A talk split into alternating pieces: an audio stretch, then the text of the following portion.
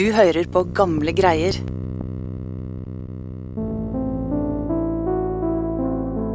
Helt i utkanten av Trondheim i 1769, i slumbydelen Sanden, rett ved det som i dag er Ila, så lå byens mest forhatte hus.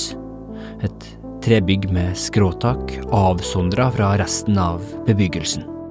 Det var et hus folk forbandt med ugudelig urenhet og mørke. Men denne dagen i januar så lå det mistenkelig stille. Naboene de hadde sett at nå hadde det ikke kommet røyk fra pipa på tre hele dager. Naboene ble etter lange diskusjoner seg imellom enige om å finne ut hva det var som foregikk der inne i det dunkle huset. Den eh, modigste av dem snek seg da bort til nattmannshuset og kikket inn gjennom en av gluggene. Der inne så han et par som lå i ei seng, for sjuk til å komme seg opp og fyre i peisen. Og så snek han seg tilbake til det andre og fortalte dette her. Og så skriver magistraten formedelst deres kristelige sinnelag. Så samla de sammen litt mat, eh, la de i et knytte, og så tok samme modige mann turen en gang til.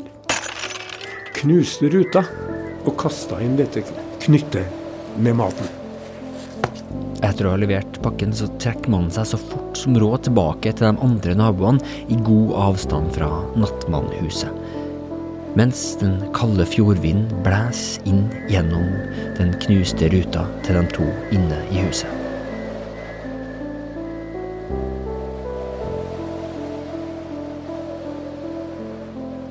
Denne hendelsen den var første brikke i en sånn dominorekke som til slutt skulle lede byen til kanten av åpent klasseopprør, og som myndighetene frykta at skulle ende med at hele Trondheim gikk opp i flammer. Grunnen til det, det var at Nattmannhuset, der ytterst i sanden på tampen av sivilisasjonen, så å si, inneholdt det borgere og arbeidere i byen frykta aller mest noe som var mer smittsomt enn enhver sykdom eller epidemi, og som var langt, langt verre enn den mest grusomt tenkelige pest. Det skulle mye til for at trønderne gjorde opprør, men å tvinge dem til å gjøre noe som eh, gjorde dem æreløse, da kunne man nok forvente at de begynte å bråke og springe gjennom gatene.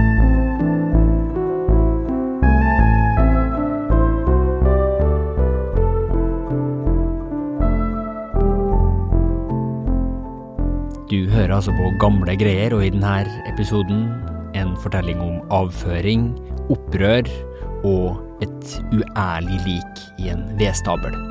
Jeg heter Askild Matre Aasare.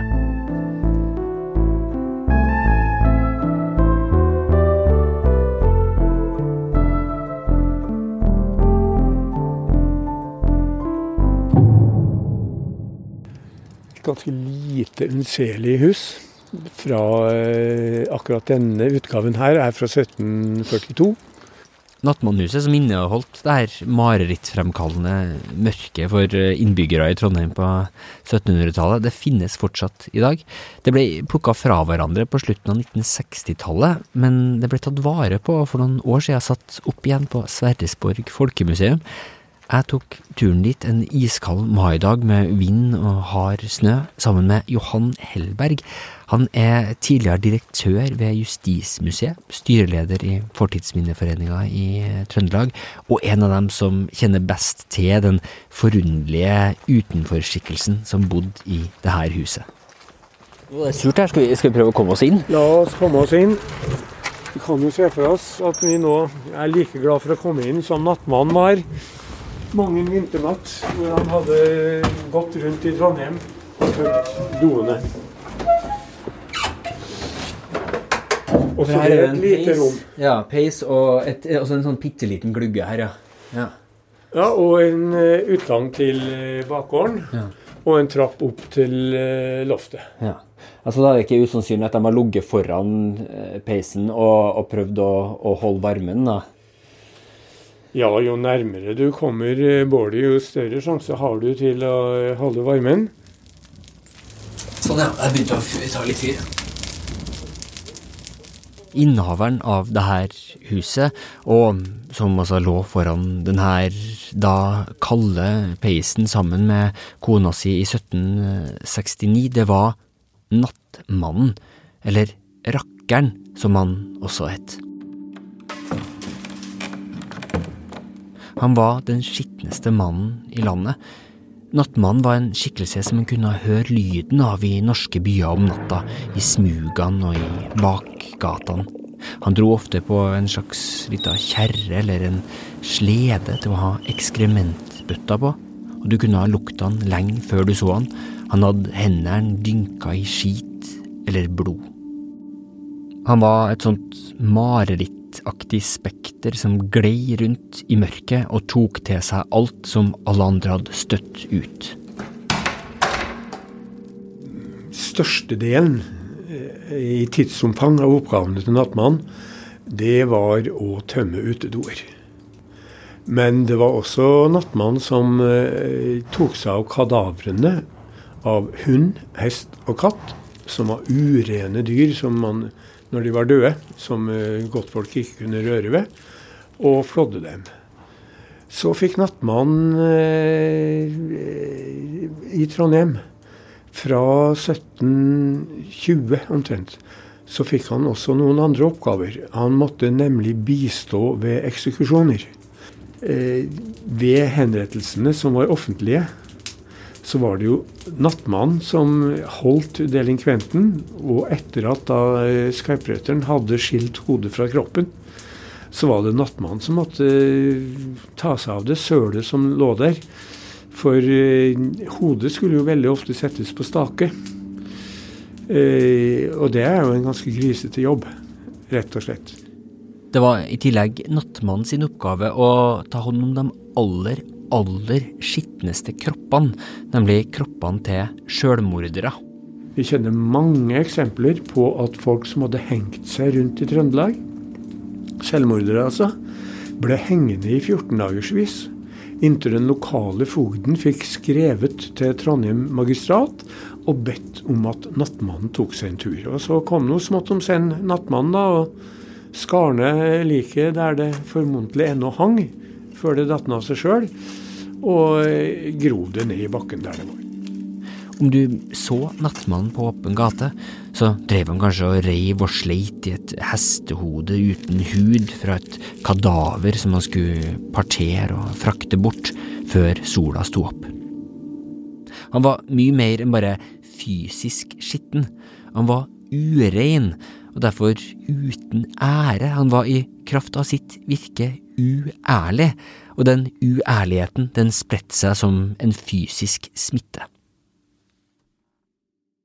Så Victor Hugo skrev, jeg tror det var i Le Miserable, rett og slett, at uh, kloakken er samfunnets underbevissthet. Det her er forfatter Bård Stenvik. Han har skrevet boka Skitt, som handler om hvordan vi som samfunn forholder oss til den fysiske og mentale urenheten. Og det er jo veldig sånn freudiansk tanke at vi prøver å integrere i oss sjøl og oppfatninga om oss sjøl, alt som er rent og godt. Altså vi er gode moralske mennesker. Eh, og så må vi da finne en annen plass hvor vi plasserer alt det som vi ikke erkjenner at er en del av oss eller en del av samfunnet. Og det er jo, det er jo da å eh, måtte putte folk i fengsel, eller, eller sende dem ut av landet, eller sende skitten i kloakken. Det er liksom litt det samme, da. Denne tanken om at noe er rent og noe annet er ureint, virker å være en av de sånn fundamentale tankene i menneskelig sivilisasjon, nesten uansett hvor du ser. Og så kan du lure på hvor kommer det egentlig ifra? Det er jo en sånn type religiøs måte å tenke på. Og uh, her er det litt sånn forskjell på hva forskerne mener om hvorfor det har blitt sånn, men uh, en ting som jeg syns virker troverdig, da, er at dette har starta som en sånn fornuftig måte som mennesker og dyr har villet unngå å ta f.eks. usunne ting inn i kroppen. Da. ikke sant? Eller altså det at du kaster opp når du er sjuk, og så får du ut av kroppen, eller det at du ikke et ting som lukter, og sånt. Og det at folk har hatt en sånn eh, slags eh, instinktivt oppfattelse av smitte bestandig, som er kobla til det helt fysiske. Og når vi så begynte å lage mer sånn abstrakte språkmodeller, at vi snakker og tenkt om hvordan samfunnet skulle organiseres, så har vi overført de her metaforiske modellene, rett og slett fordi at det var det vi hadde, og det var det som funka. Det sånn hjernen faktisk er laga, at den tenker metaforisk. Og det er få, om noen, som har den her metaforiske urenheten så tydelig som Nattmannen, som både da faktisk driver på med skit, men som i enda større grad bare er urein og uærlig. Det er, er flere fortellinger fra, fra, Trondheim om folk som blir smitta av denne uærligheten. Olle Mortensen, som er en fisker som bor i, i Trondheim i 1744, altså gode 25 år før den hendelsen som denne episoden handler om, han er så uforsiktig at han inviterer nattmannen over dørterskelen inn i sitt eget hus for å selge han litt fisk og en dram. Det får helt katastrofal virkning på, på, livet hans. Han holder på å bli kasta ut av huset han bor i. Eh, partneren som han driver fiske med, vil ikke lenger ha noe med han å gjøre, og ungene hans blir frøset ut av nabolaget. Hele hans sosiale liv kollapser fordi han også har fått urenheten som nattmannen tok med seg. På mange måter så var altså da Nattmannen litt som et sånt sort hull som dro til seg all urenhet, uærlighet og skittenhet fra alle steder i samfunnet, og samla det på ett sted. Han var vel like farlig å komme nær som det er å komme nær et svart hull i verdensrommet også. Du ble sugd inn i det. De som tok på seg rollen som den her ultimate outsideren i samfunnet, det var som oftest folk som ikke hadde noe annet sted å gå til. Stort sett så eh, hadde de nok, før de ble nattmann, var nok folk som, som man sier i Trøndelag, hadde mer enn nok med å berge livskiten sin. Det var nok også tilfellet for Ole Hansen som er den nattmannen som denne historien sirkler rundt. Vi vet ikke så forferdelig mye om han. Han kom fra Voss. Han ble omtalt som en øh, vandrer, og han hadde åpenbart vært i klinsj med loven på en eller annen måte. Han hadde blitt uh, piska på tukthuset, men han hadde altså da fått lov til å slippe ut for å bli nattmann. Og det samme gjelder kona hans, som jeg ikke engang har klart å finne et navn på. Hun vet vi enda mindre om, men hun også fikk altså lov til å komme ut fra tukthuset for å bli nattmannkone. Vi vet ikke hvilke drømmer de hadde, vi vet ikke hva de tenkte om sitt eget liv, så de blir på noen måter et slags sånn vakuum i, i midten av historien her, sjøl om det er dem det handler om. Men det vi vet, var at de lå sjuk i senga i starten av 1769. Paret i senga de får altså en bylt inn gjennom vinduet med litt mat, men problemet deres var jo egentlig at de ikke klarte å holde varmen. Og nå, med hull i vinduet, så blåser den iskalde fjordlufta inn i rommet. 31.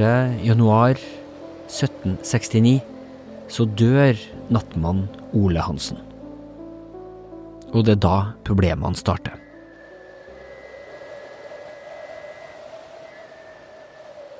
Det som skjer da, det er at magistraten i Trondheim, som jo er en slags sånn borgermestermyndighet, utkommanderer likbærerlaugene til å bære liket til grava. Byen holdt seg jo med likbærerlaug av gode borgere som eh, bar eh, lik til graven. Hvis ikke familien var stor nok til å gjøre det på egen hånd. I Trondheim så har du to konkurrerende likbærerløg. Det første likbærerløg og det annet likbærerløg. Begge to består av borgere, repenslagere bakere og kjøpmenn. Det første likbærlaug er det fjongeste, de har eh, vogn med flottest ornamenter på. Det annet er også et godt likbærlaug, men de har fått en ripe i lakken forholdsvis nylig. For da gikk de med på å mm, bære bakermester Elias Rutsbekk til grava. Han har vært en ganske tungsindig bakermester, og han ble funnet drukna i elva, så folk lurer jo på om det kan ha vært et sjølmord.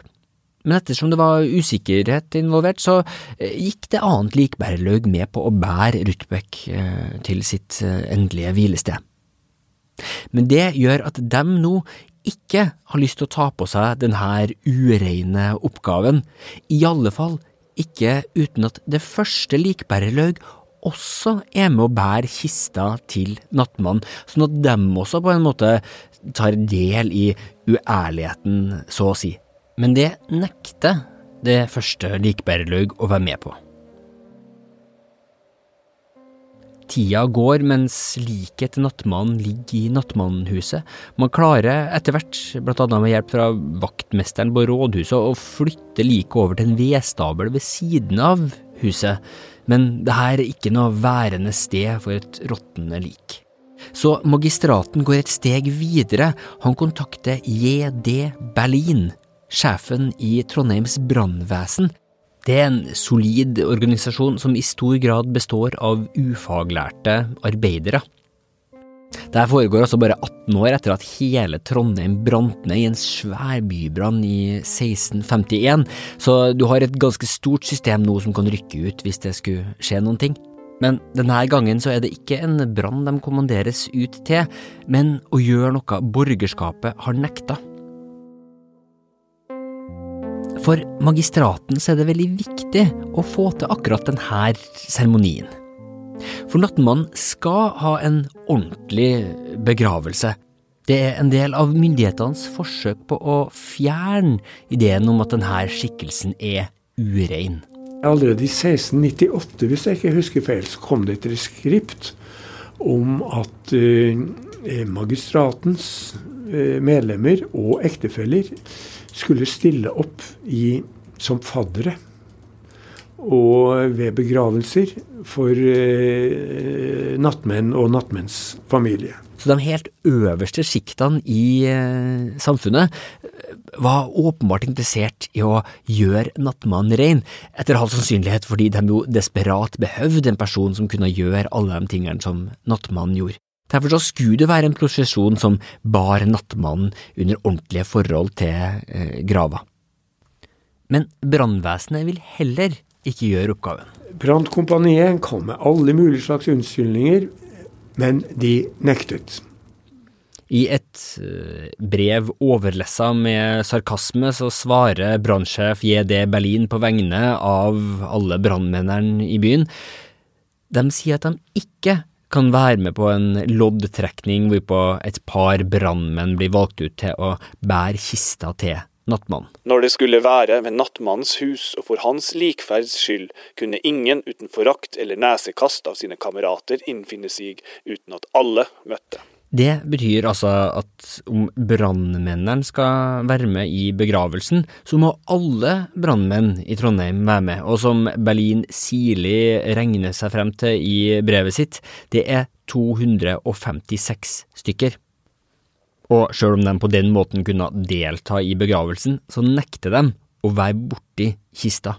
De ville heller alle gå fra brannkompaniet enn å gjøre denne gjerning, som de formente at tilkommer borgerskapet selv, og om de holdt seg for gode, ville brannfolkene ikke være borgerskapets slaver. Den urenheten er det borgerskapet sjøl, gjennom likbærerlauget, som får ta på seg, mener brannmennene.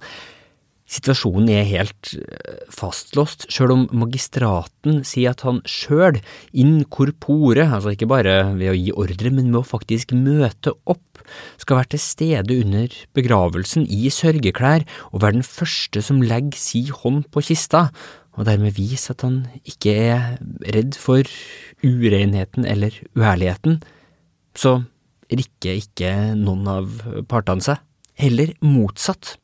Det som skjer, det er at eh, det første likbærerlaug, de sender fellbereder Johan Gottfred Hartmann ned til København for å forhandle direkte med myndighetene der. Og det har de gjort uten å søke om eh, pass fra de lokale myndighetene, noe som var nødvendig på, på den tida. Akkurat hva som skjer med Hartmann i, i København, det vet vi ikke, men det her er altså da helt åpen obsternasiet mot de lokale myndighetene fra borgerskapet. De lystrer altså ikke kongemakta. Arbeiderne er forbanna på borgerskapet igjen, og ingen av dem vil ha noe å gjøre med den som er nederst på rangstigen. Nattmannen som ligger og råtner i vedstabelen i vedskjulet utenfor nattmannhuset, og nattmannkona som ligger sjuk i senga fortsatt. Så kommer vi til 12. februar 1769. Skal vi se her, ja. Vatlandsveita. Det er sånn syltynn, litt eh, smug som eh, går her, da. Midt i, i Trondheim sentrum. Og det er her et eller annet sted så er det noen som da må ha lagt ned noe brennbart materiale og så tent på. Det var jo den gang og for så vidt nå også, da, fullt med, med lave trehus, hele dette området her midt i sentrum av Trondheim. Hvis du fikk fyr på et bygg her, så ville hele, hele byen egentlig kunne ha, ha gått opp i brann. Så tilsynelatende så har noen forsøkt å tenne på Trondheim by. Den kanskje største og mest frykta kriminelle handlinga noen kunne gjøre på den tida. Og magistraten sier rett ut i et brev til kongen i Danmark Stormektigste monark, aller nådigste arveherre og konge. At de frykter at det her er en brann som har direkte kobling til konflikter som har oppstått rundt nattmannsbegravelsen. Gud vet, og om denne borgerskapets bevegelse skulle stå i samfunn, at den 12. februari om aften i et så godt som ubeboet strede, Vaterlandsveiten, er funnet en gloende brand like under en glugge. Etter branntilløpet så blir det rundt omkring på gatehjørna i hele byen eh, slått opp en beskjed akkompagnert av byens trommeslagere. En melding fra staten 20 riksdaler i belønning til den som kan få fanga personen som står bak mordbrannforsøket. Men ingen blir tatt for hendelsen. Så forverrer situasjonen seg ytterligere. Nå dør også nattmannkona, så nå har Trondheim by to lik de ikke klarer å gravlegge. Samtidig så kan vi anta at utedoene over hele byen sakte fylles opp.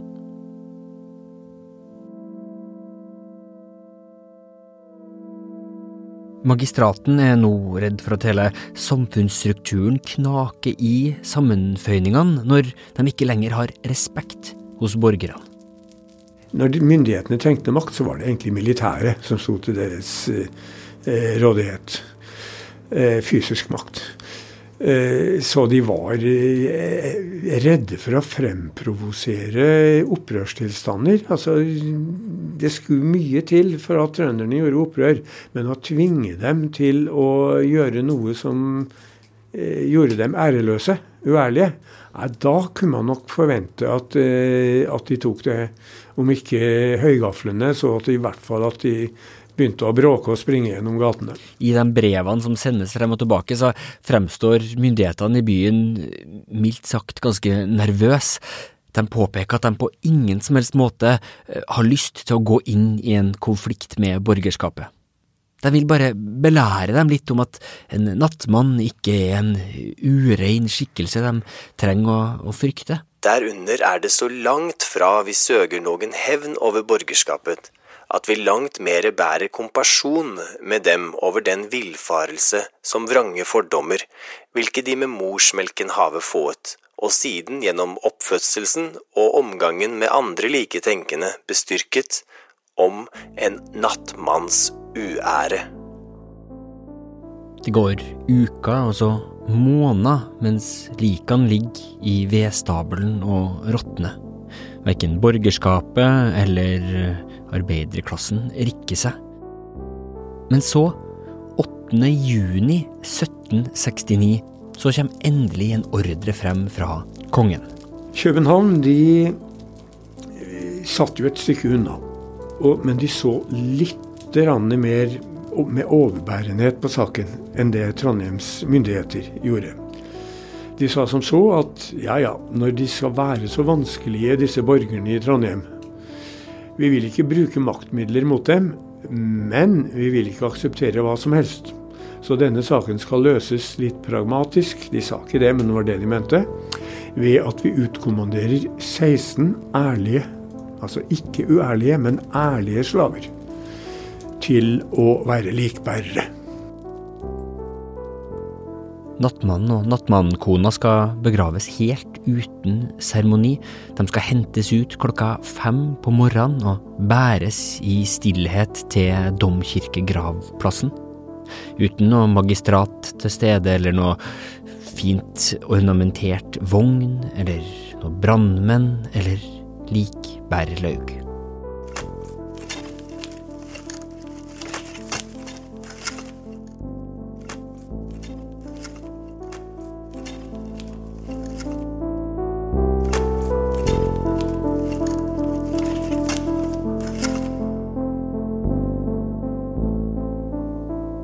Det er altså den bokstavelig talt useremonielle slutten på tragedien om nattmannen og nattmannskona som ingen ville begrave.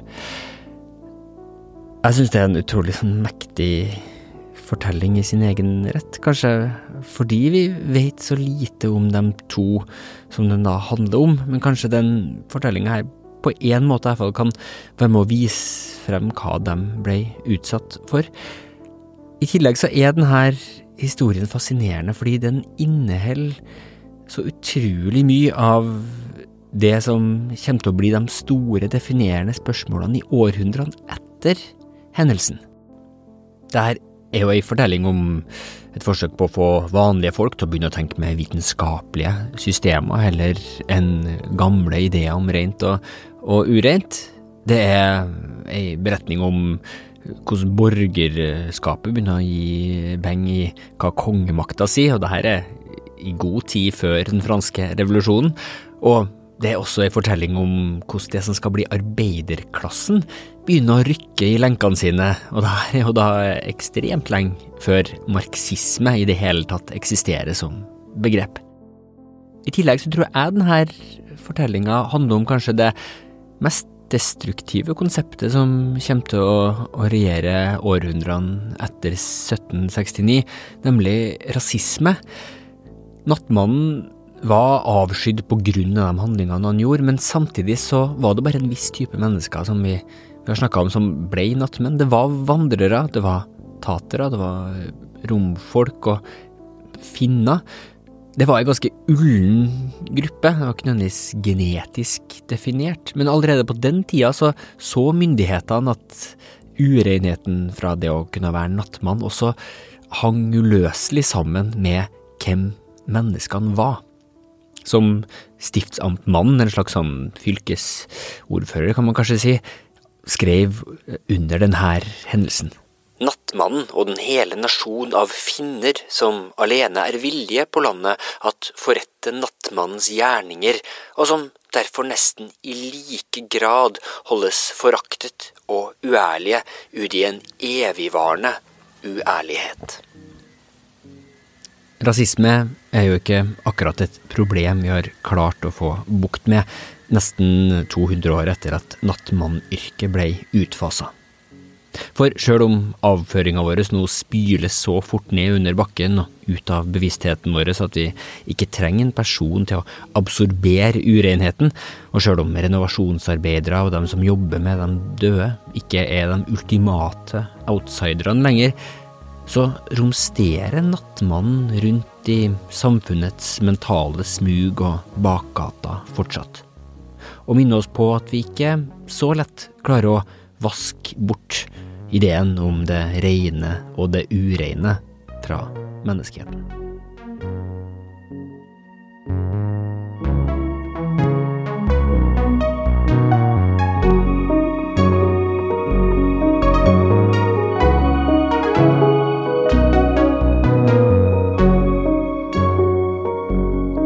Denne episoden hadde ikke vært mulig uten samtalen jeg hadde med Johan Helberg. I tillegg så lener jeg meg tungt på en tekst av doktor Fredrik B. Vallem fra 1925 i eh, Trondhjemske samlinger. Den heter Nattmennene i Trondheim i det 18. århundre. Tusen takk til Bjarne Anders Lien i Trondheim Historiske Forening som leda meg frem til den. Og hele den teksten den finner du digitalisert og åpen inne på nb.no. Jeg skal legge en link i artikkelen til denne podkasten. Der finner du også en veldig spennende artikkel av Valheim om likbærerlaugene i Trondheim. Bård Stenvik sin bok den heter altså Skitt, menneske, møkka og kulturen. Den vil jeg også anbefale.